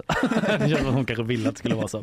Men det låter ju som att det liksom är otroligt mycket kreativitet inblandat. Att du bygger upp de här palatsen i huvudet och olika vägar och grejer. Och jag tänker med kopplingen till improvisationsteater, är det liksom lite samma del av hjärnan som du använder? Eh, ja, det kan man säga. Sen så, jag tänker, när man har hållit på med länge, då känns det inte som att man är så kreativ. Eller då känns det liksom, det kommer så naturligt bara och det blir Ja. bara bilder och så. Men det är klart att man gör ju kopplingar mellan olika saker man ska minnas och bilder. Eh, och det är väl en, eh, en kreativ förmåga som man också övar upp väldigt mycket när Ja. man Mm. eh, tränar på det. Får jag bara fråga, du, du eh, hade tydligen memorerat hundra slumpmässiga valnötter i kinesisk tv. Ja, mycket Eh, sevärt program. Var, va- var i Skövde la du valen? Alltså hur kan man komma ihåg, för då är det ju inte Alltså jag tänker med, Karl då, stad, det var ett jättebra exempel, din pappa Karl bygger en stad. Det här är ju former. Ja, eh, precis. Det var lite klurigare. Ja. Men jag, hade, jag la dem på Chalmers där jag pluggade då. Och så hade jag, jag skulle koppla varje valnöt till ett nummer då. Det var liksom, kom ihåg vilken som var valnöt 49 och valnöt 152 och så här. Så då, då hade jag mina bilder för de här siffrorna utplacerade på Chalmers. Och sen så varje valnöt tittade jag liksom på och tog något som jag tyckte jag kunde se i det här liksom rynkiga mönstret. Det blev som att titta på moln liksom och se något man tyckte att det föreställde. Eller Rorschach-test. Eh, och då lyckades jag ändå liksom, ja, men se, ja men det här ser ut lite som, jag vet inte, ett barn som flyger drake. Och då kopplade jag det till min bild för 49 eller om det var valet 49. Mm. Eh, och så gjorde jag så med alla de här valen. Ja, otroligt. Alltså finns det något sätt som, någonting som är liksom negativt, finns det någon förbannelse i detta? Ja, eller det enda som är, kan vara lite jobbigt är att, för folk tänker ju, när de hör att jag man är minnesmästare så, här, Mm. så tänker de ju att jag eh, Alltså bara är född med ett superminne, att jag är någon slags liksom, eh, autistisk savant som, Mm. som bara automatiskt kommer ihåg allting. Eh, men, men så är det ju inte, Nej. utan som jag sa så måste jag använda de här teknikerna. Och jag kan använda dem på mycket, men det är inte så att jag ordagrant kommer ihåg allt jag pratar om och så. Nej. Eh, Så när folk tror att jag gör det, och kanske speciellt folk som kommer fram och tror att jag eh, att jag kommer, att vi om vi träffas någon gång så här. Så som Kalle Berg gjorde precis. Ja exakt, jag har träffats. Kommer du ihåg mig? Men det var ju lite på skämt. Jag trodde inte i radio för det kändes så obvious. Men jag kunde inte hålla mig. Nej det kunde inte hålla dig. Men det kan bli lite jobbigt eh, om jag då inte kommer ihåg Mm. folk som verkligen tror att jag ska komma ihåg, för det känns som att, lite som den ultimata förolämpningen att inte bli ihågkommen av världsmästaren. Det verkligen, ja, det, det landar ju på dem, känner de ju. Inte en enda bild. Den här valnöten var ändå, hade ändå tillräckligt karaktär för att bli nummer 49. Men ja, ingenting. Ja, Jonas von Essen, du grattis till den här miljonen och eh, eventuellt välkommen tillbaka då om du har tid att komma och quizza med oss någon gång. Ja, ja, Eh, och ja, Linnea. ja, det hade ju ändå varit lite kul men då får du Någon- typ inte läsa en tidning på hela veckan. Nej, någon Jo, gång när vi har lite för mycket hybris och alla behöver tas ner lite. Ja, Mm, Det eller så kanske är snarare än någon tror. Roligt att bjuda in Jonas von Essen utan minnesteknik. Eller du vet så här, du får inte använda den den här veckan. Typ. Stäng av den helt så ser vi hur det går. Utan dina vapen. Eh, nej men Jonas, eh, tack för att du kom hit idag. Ja, Tack tack. själva, jättekul att Du, förlåt, vad händer, vad händer härnäst för dig nu med den här miljonen på fickan? Eh, nej, men jag ska ju bjuda mina quizkompisar på lite kalas och Ja, det är bra. och så. Och jag måste ställa en sista fråga bara, förlåt. det var så bra är du, avslut, men är du inte- född och uppvuxen i Skövde? Eh, ja, Okej, tack, tack, tack. Jag bara undrade.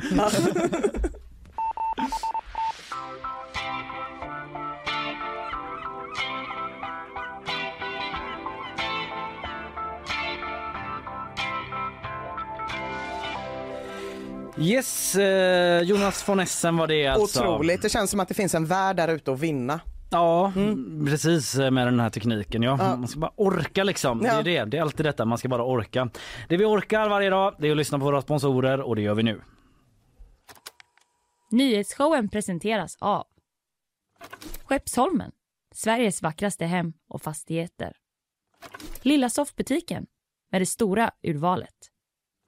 Mjuk biltvätt, en ren upplevelse. Clearly, kontaktlinser på apotek. Sådär ja, vi ska snart eh, in i bakvagnen som vi brukar kalla det, sista delen när vi snackar fler nyheter. Det blir lite om de här spårvagnsskyltarna och eh, även eh, humbug eventuellt med att det är farligt att sitta på jobbet. Jajamän. Ny forskning finnes. Eh, en som också finnes till här i världen i vanliga fall på tv-relationer men som nu är hos oss och hjälper oss. Det är ju Sofia Magasanik. Halloj! Hallå! Är du eh, sugen på att använda de här minnesteknikerna nu eller vad liksom är din stora liksom, take från eh, att Jonas von Essen var här? Ja men absolut. Eh, jag tror vi skämtade häromdagen om han liksom kan minnestekniker för att glömma saker. Ja, ah. tvärtom just om man har varit med om något fruktansvärt pinsamt. Typ. Ja. Alla de här gångerna han inte kommit ihåg någons namn. Ja men precis, De exakt. lägger jag i Vänersborg istället. Det får jag aldrig. Ja, nej, men det, ibland behöver man det också. Ja, vilken bra fråga. Eh, det tar vi om man kommer dit någon mer gång. Okej Sofia, jag lämnar över. Dags för nyhetssvep. En man i 35-årsåldern misstänks för flera fall av misshandel i Göteborg under tidig tisdagskväll. Bland annat ska en person ha förts till sjukhus med allvarliga skador efter att ha blivit överfallen och misshandlad under en joggingtur. Efter ytterligare tre fall av misshandel kunde gärningspersonen gripas och han misstänks nu för totalt fyra fall av misshandel. Gula och orangea varningar är utfärdade för flera delar av Sverige under natten mot onsdagen. En orange varning är utfärdad för mycket hård vind i kombination med snöfall i norra Lapplandsfjällen.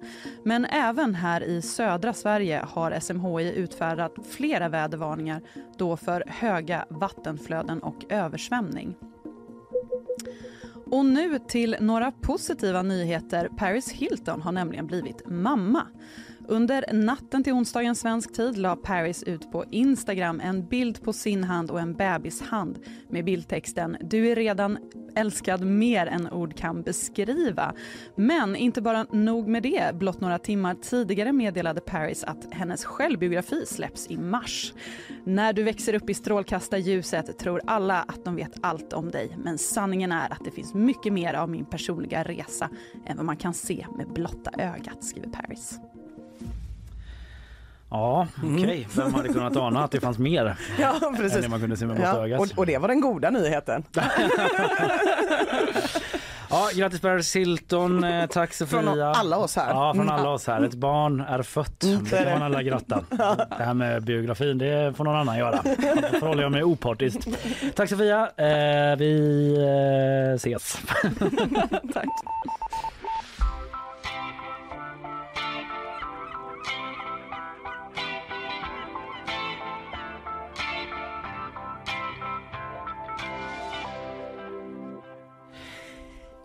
Bakvagnsdags. Ja, nu är det härliga, dags. härliga tider. Bakvagners som vi heter som jobbar med bakvagnen. Det Du, kanske kan vara... Ja, det kanske kan vara något. Mm, det kan vara något. Nu installeras i alla fall nya skyltar på spårvagnarna i Göteborg. På tal om vagnar då. På tal om vagnar. Mm. Det har varit så i tre år. Man har glömt att det är så länge, men det är så länge som man inte riktigt har kunnat veta vilken spårvagn det är som Ja. kommer. Man har kunnat se det ibland, men inte alltid. Förr i tiden var det ju tydligare. Lyssna bara hur det lät i dokumentären om Kurt Olssons liv som inte riktigt är en dokumentär. Ja, det kommer trean före fyran. Kan du inte koppla av en enda gång då? Du behöver väl inte sitta i fönstret i natt igen och räkna in alla vagnarna? Nej, ikväll ska de få klara sig utan min hjälp. Men, hallå Guldbaggen, Guldbaggen. hederspris. Verkligen. Vad händer? Vad händer med den här filmen? Ja. Det, det- alltså, det är en otrolig film Mm. och den hade ju aldrig kunnat bli till om vi hade haft så som det har varit med skyltarna de senaste tre åren. För då hade ju inte Kurt Olsson kunnat se vad det var som kom tuffande där vid Stampen där det kändes som att han bodde. Med Eh, Majorna. Ja, jag Majorna vet är detta. Majorna. Mm. Jag tänker mycket på ja, precis där jag bor, det går spårvagnar utanför. Ja. Men jag själv hade kunnat, redan är där och nosar på att vara där. Jaha, Ja. där kommer Ja, nej, före elvan. Ja, vad händer nu? Ja. ja, men det är ett nöje man har fått ligga lågt med de senaste tre år sedan. Eh, De, de senaste tre Ja. åren. Men innan dess då var det tydligt. Det kom en grön fyra, en ljusblå nia. Ja. Eller om man hade riktig jävla otur, den sämsta spårvagnslinjen av dem alla, den orangea sexan.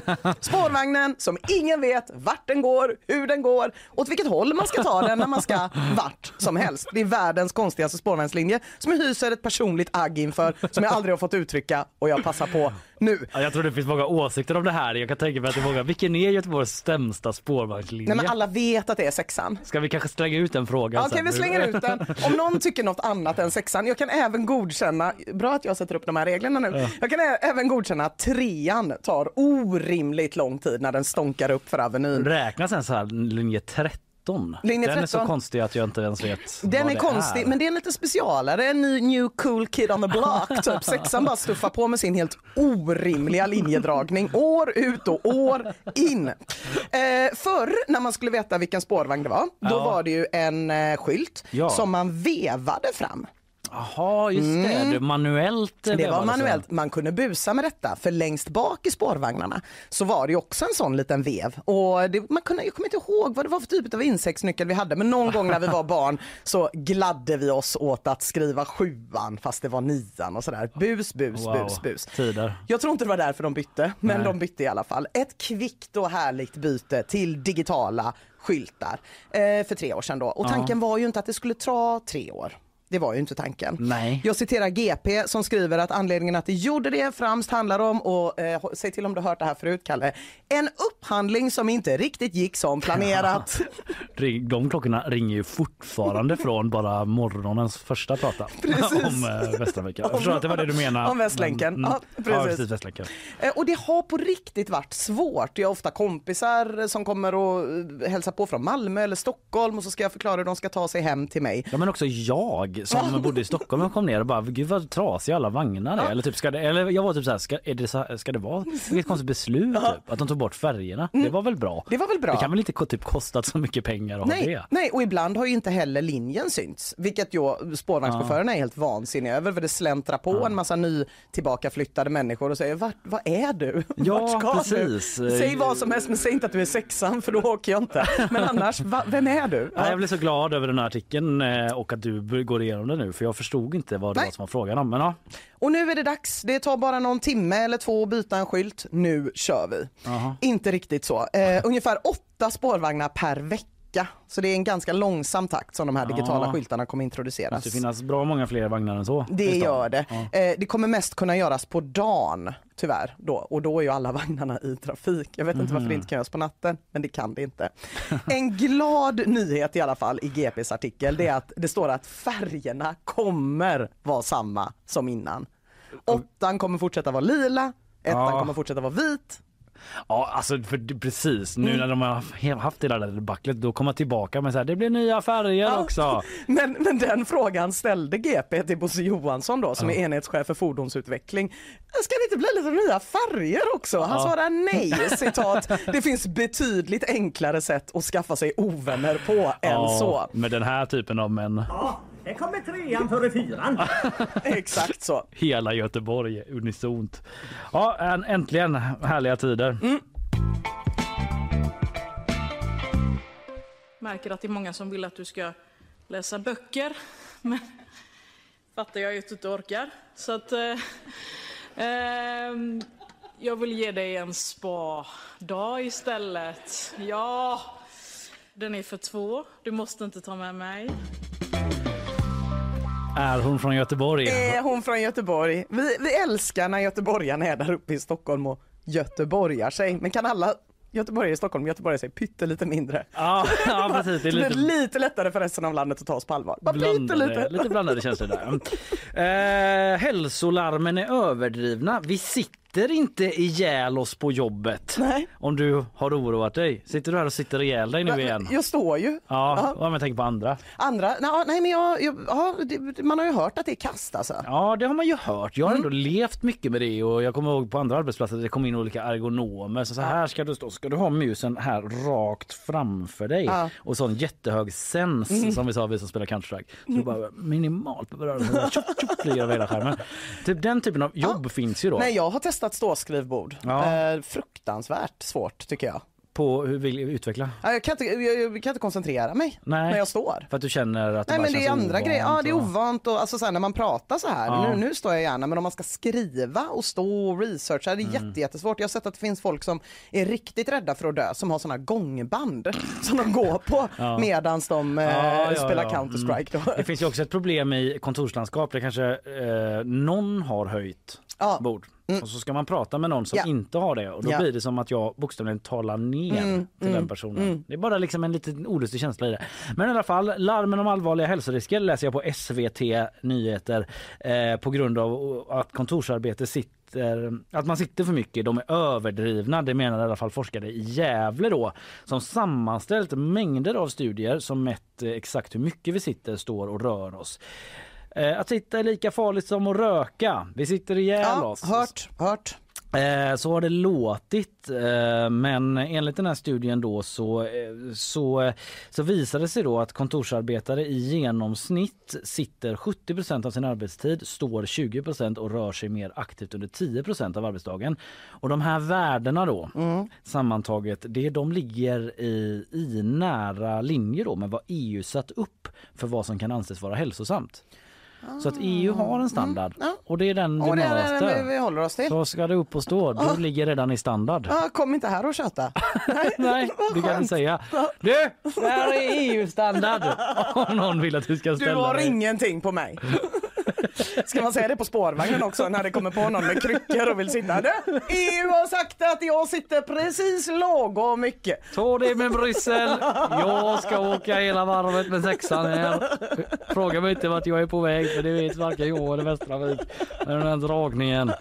Nej men så, så ligger det till. Aktivitetsbaserade kontor hjälper inte heller visar den här studien. Alltså sådana här eh, som utformar att man ska flytta sig mellan olika utrymmen på arbetsplatsen. Vi sa ju så att du, du men- får inte sitta där du vill. Eller du får inte sitta på samma plats. Men det är ju, ingen vill ju ha det. det. Alltså det finns det ju flera studier på när man har gjort på aktivitetsbaserade kontor att ingen vill ha Nej det. man hatar det. Man, Man vet inte vart man kommer det. hamna. Nej, man måste typ komma tidigt för att få en god plats typ. Och så har man en penna som någon annan har tagit. Alltså det är så himla idiotiskt. Ja. Alltså Och jättekonstigt. så måste man undvika att hamna mellan bredvid kanske mig då som hela tiden du så har du tänkt på en grej som sitter så Seinfeldar sig hela dagen Ja, så man inte får någonting gjort liksom. Ja så det kan man eh, också släppa då. Eh, det ska inte ge någon större effekt på rörelsemönster. Ja, det kommer trean före fyran. Det gör den ibland. eh, igår så släpptes Oscarsnomineringarna. Ja. Faktiskt. Eh, Själva galan äger rum i slutet utav mars. Men vi har ändå några nyheter från nomineringarna då. Det är flest skådespelare med asiatiska rötter nominerade någonsin. Bland annat båda huvudrollerna i filmen Everything Everywhere All at Once. Ja, inte sett, Inte eh, sett. inte sett en enda film Spring och galan, se, liksom. den är svinbra. Ja. Mm, jätte, jättebra, kan verkligen rekommendera. Eh, på västfronten inte ett nytt. Klassiskt Oscars, eh, Oscarsfilm. Ja. Eh, fick nio nomineringar. Eh, och den här filmatiseringen av den här boken har ju gjorts tidigare, bland annat 1930 när Mm. den vann bästa film på Oscarsgalan. Tredje Oscarsgalan var det. Mhm. Så den har liksom varit igång flera gånger. Eh, och i bästa filmkategorin var två uppföljare nominerade. Avatar, The Way of Water Ja den känner vi ju till från Den det här pratat om. programmet. Ja. och Top Gun Maverick. Ja. Eh, och då ska man veta att det under Oscars, Oscarshistorien bara har nominerats sju uppföljare någonsin i kategorin bästa film. Mm. Och två i år, så en mångprocentig ökning. Det kan ju vara i samklang med att det nästan bara görs uppföljare nu Kan vara därför. Mm. Kan vara 90 därför. procent av alla filmer som kommer Ja. är någon form av reboot, uppföljare eller baserad på bok och så vidare. Vi Så är det. Mm. Så det här var lite allmänna nyheter, men skit i det nu. För man blir ju alltid lite stolt när en svensk film är nominerad till bästa utländska film.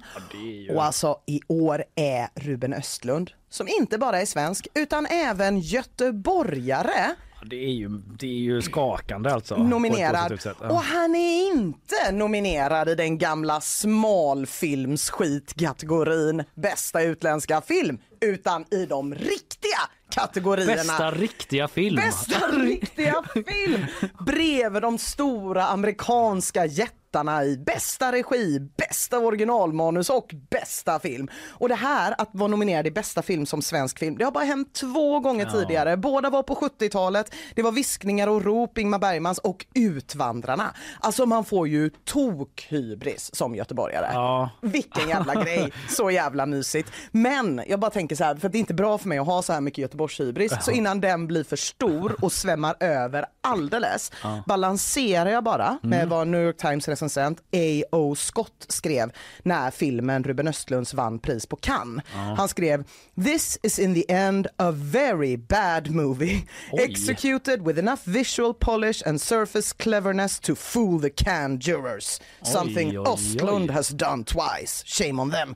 Ord och inga visor. Oj, två. Han går på den förra vinnaren där Han går på också. den förra. Han hatar verkligen Ruben Östlund. Så att jag, jag var bara tvungen att säga det för att Ja, liksom, det var för mycket Balansen svall. Ja, liksom. mm. Ja men wow, också en jävla skopa till Cannes-juryn också. Ja, verkligen. Att de kan bli bländare och smoke and mirrors och Ja. inte liksom känna Nej. en eh, vanlig film. Jag vet inte, A.O. Scott har inte kastat sig och gjort en think piece om Oscarsnomineringen för Ruben Östlunds film då som uppenbarligen är hans personliga nemesis. Ja. Men jag kommer absolut hålla utkik och se vad som händer. Ja, det får vi verkligen göra. Men är det inte lite så att eh, oavsett hur många Cannes-priser och palmer man vinner där så känner man ju i magen att det är coolare med Oscarsgalan? Ja men det är klart att det är coolare med Oscarsgalan, det förstår ju vem som helst. Ja, det är jag ska svin... säga det, Nej men det är alltså. svinmäktigt, jag älskar Oscarsgalan. Man sitter uppe på natten, man kollar och när det finns någon från Göteborg där, Ja. ofta har vi ju typ så här, ja men en musiker, Ludvig eh, Göransson ja. Precis. Mm, han är nominerad också ja. Han är nominerad. Tillsammans med typ Rihanna och Ja, någon ja, precis. Black Panther-låtar. Uppföljare också. Mm. Eh, Men han har ju vant oss vid lite nu. Men när man liksom ser en svensk gå runt bland de här högdjuren, det blir ändå,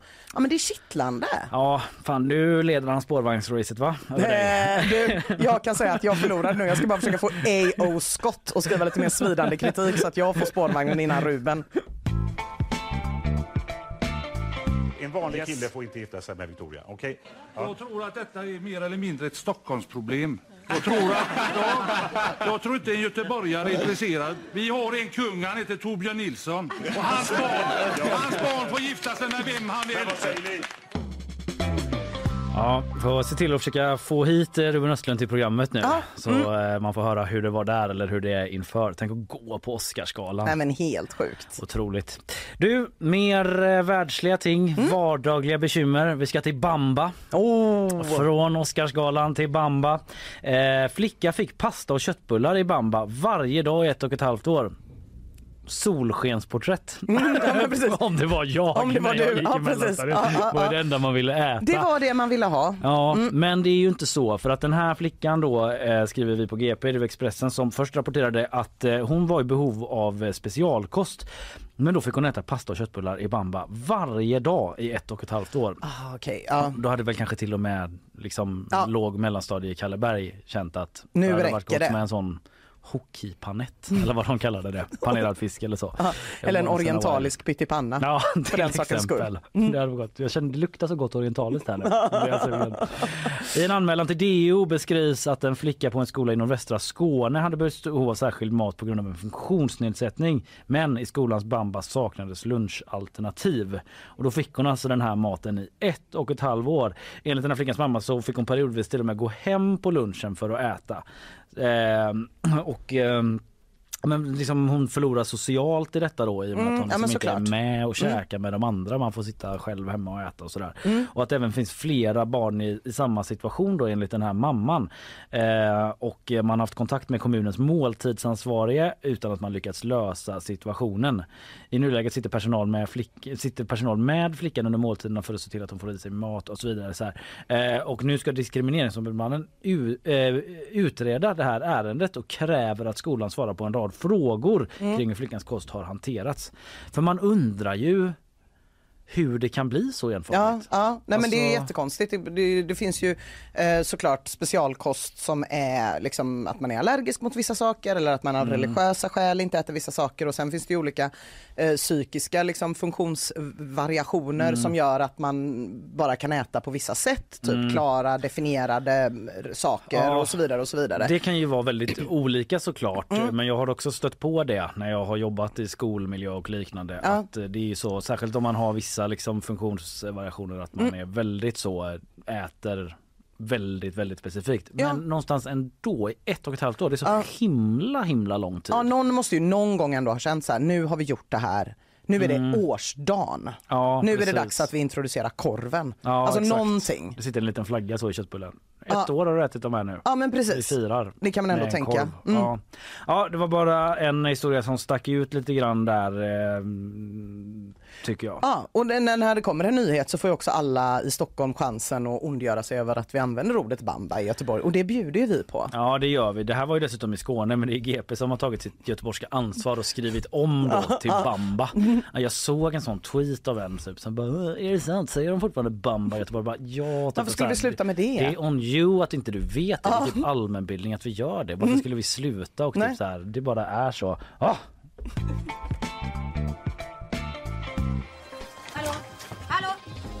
Glöm den förra. Där är den nya. Expressen fredag av? Frågetecken. På? Utropstecken. Gäller från och med nu, okej? Mm, Timotej. Stenhårt. På. Ja. Just det, det tog ett tag innan jag kände igen det där. Mm. Eh, den 4 juni, Kalle, ja. vad gör du då? Uh, puh, vad gör jag då? Alltså står och lutar mig mot en vägg så och tittar i solen. Mm. Att det är så gott att må gott igen. Hon tänker på Peter Lemark. Eh, det kan du göra och varför inte passa på att göra det i närheten av där kungen är för han kommer till Göteborg då. Sola mig i hans eh, ljus. Ja, varför inte? Ja. Eh, Det här, alltså kungen är här då och då, men det här blir inte vilket gammalt pissbesök som helst ska jag säga dig. Nej, nej, nej, nej, nej.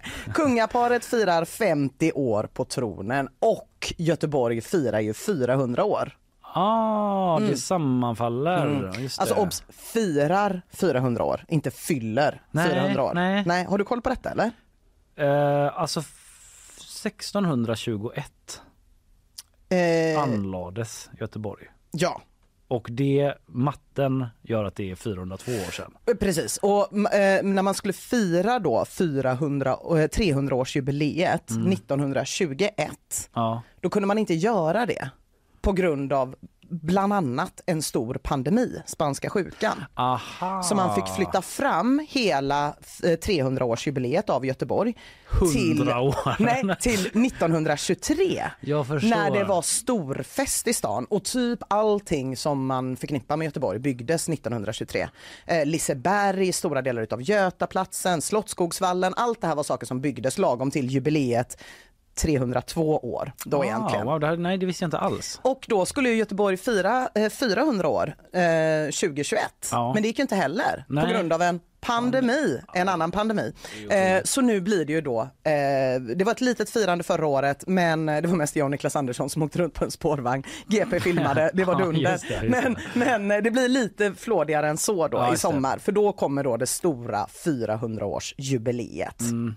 Eh, Så vi snackar kungen, vi snackar kortege, vi snackar förgylld vagn längs Avenyn. Mm. Kungen ska tala till folket från Gustav Adolfs torg. Oerhört retro detta med förgylld vagn. Ja, Det är det. verkligen. Visst är det? Ja, Ja. visst. Det är också Men det är fint. Mm. ändå en liksom historisk dag. Då kan man väl damma av lite gamla guldvagnar. Så sånt. är det, Ja. men det är ändå 2023 så det ska Ja. också vara lite digital. Aha, Eh. Så att när kungen håller tal på torget så kommer det vara skärmar där då, där det rullar bilder och berättelser från göteborgarna om kungaparets tidigare besök Mm. här. Och nu har man gått ut och efterfrågat sådana här minnen och bilder och vill att medborgarna ska bidra. Grejen är att de här kommer skickas in i förväg, Ja. de här bilderna. Och det är ju på förekommande anledning. Det står det ingenting om någonstans utan det här är helt och hållet min egen slutsats. Ja. Att man inte kommer liksom kunna live lägga upp grejer. Ja, I GP så. igår så det monarkikritiker gör sig icke besvär. Det är hängslen och livrem. Ja, just det, så att man inte kan tagga så här, GBG 400 år och så Mm. kommer de fotona upp på skärmen. Och så då, kommer de fotona upp på då blir det en skärmen. del kockporträtt om man säger. Det blir det, det blir det. Och även om jag fattar ju lockelsen i att köra helt live. Eh, Ja. Det är ju mycket mer superduper digital 2023. Men det gjorde man ju julen 2018 på just Gustav Adolfs torg och det var väl då man lärde sig det här. Det var ett julevenemang där man hade en stor projektor som eh, var på då gamla rådhuset Eh, och man kopplade ett fotobås på torget till den här projektorn som live visades upp, visade upp Mm. vad som folk visade där. Och det var ju glada göteborgare som bidrog med bilder på sig Ja. själva, på sina barn, på hakkors och på jätte, jättemycket porr. Såklart. Ja, såklart. Ja. Ja, som det blir. Så nu kommer det då vara så att man får skicka in i förväg innan kungen eh, behöver stå där plötsligt eh, och höra. smart. Kommer den där guldvagnen också vara lite samtida? Att den går på el eller så dras av olika gigarbetare?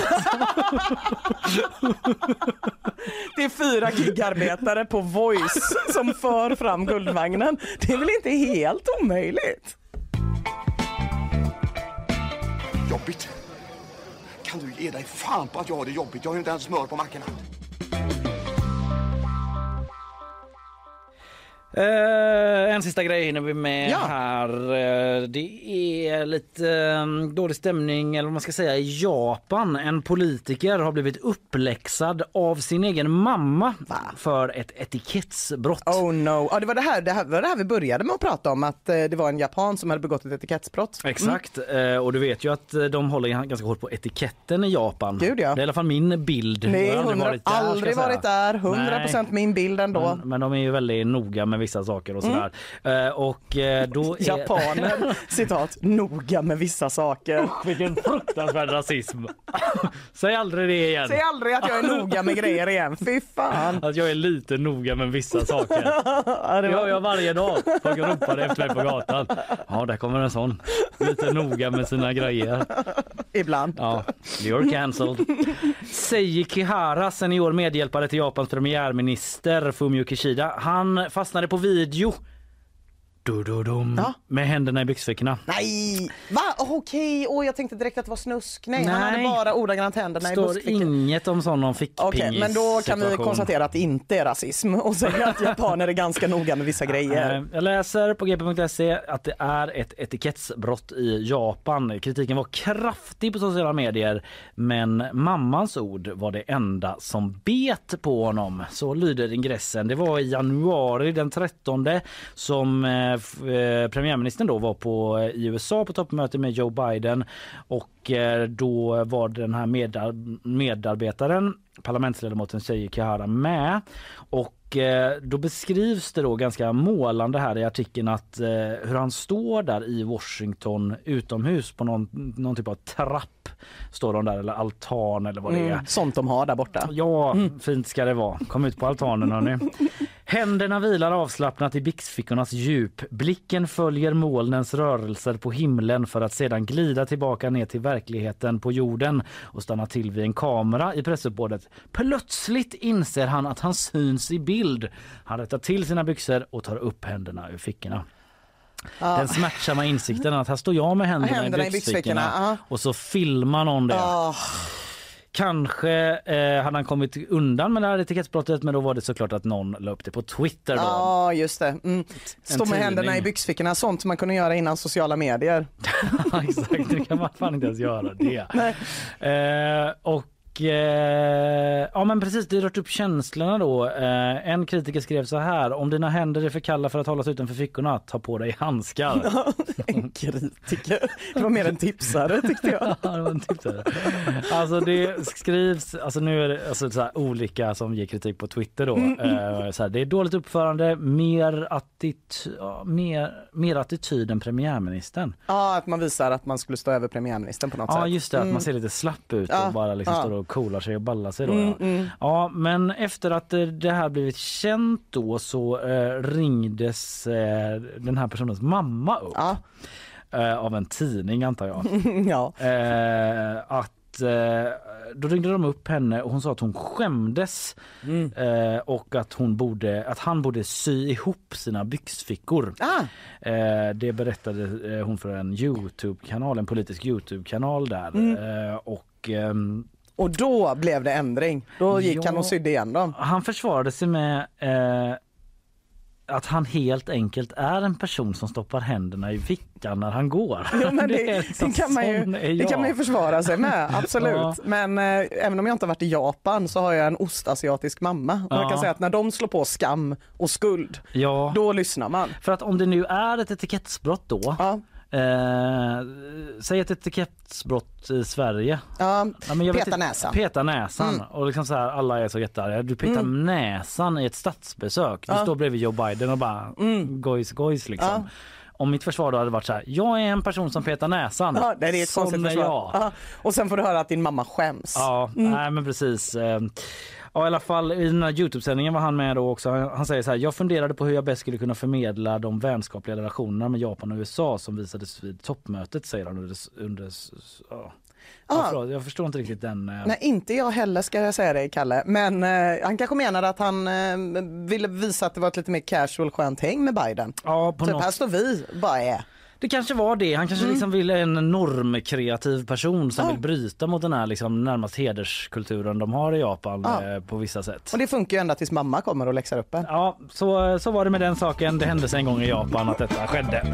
Fast i USA, men ändå. Ja, fast i USA. Eh, Precis. Eh, Ja, vi kanske får återkomma till det där. Eh, Känns som jag kanske missade någon bit i det. Men det har ju varit så mycket idag. Det har varit svinmycket och vi har verkligen gått igenom komplicerade och svåra saker. Västlänken liksom. Det är ju helt stopp där i Haga-etappen. Ja. Bara det. Och du har liksom försökt få huvudet runt... eh, Hur ekonomi funkar och varför människor blir avskedade på Spotify. Ja, det visar sig också vara en kulturgrej snarare än en ekonomisk Ja. situation då, om man ska tro den här forskaren På som ändå var professor. Ändå precis. professor. Sen har jag också gjort en liten uppföljning om Ulf Kress, Ulf Krestersson. Krestersson. Det du Han hade kristkonferens. Det var där det blev fel. Presskonferens och Kristersson. Nej, men han riktade sig direkt till Chang Frick och Mm, just sa det. sluta upp. Det gjorde han inte, men det var så Sluta jag changa tolkade det. Ja, precis. Nej, men han försöker liksom få hela Sverige nu att hålla sig på mattan och inte hitta på massa mer hyss Mm. så att Turkiet eh, ska bli mer arga då. Ja. Sen hade vi Jonas von Essen här också, minnesmästaren som just har vunnit eh, en miljon i Postkodmiljonären. Ja. Och sen var det ju idel glada nyheter i bakvagnen. va? Priser till Ruben Östlund, nya spårvagnsskyltar, japaner lyssnar fortfarande på sina mammor. Det var bara sol och sol och sol. Ja, det var underbart. Eh, Podden kommer ut eh, här under förmiddagen. Lyssna på den om ni vill höra något eh, som ni missat. Annars säger vi tack va? Det gör vi. Ha det gött. Hej!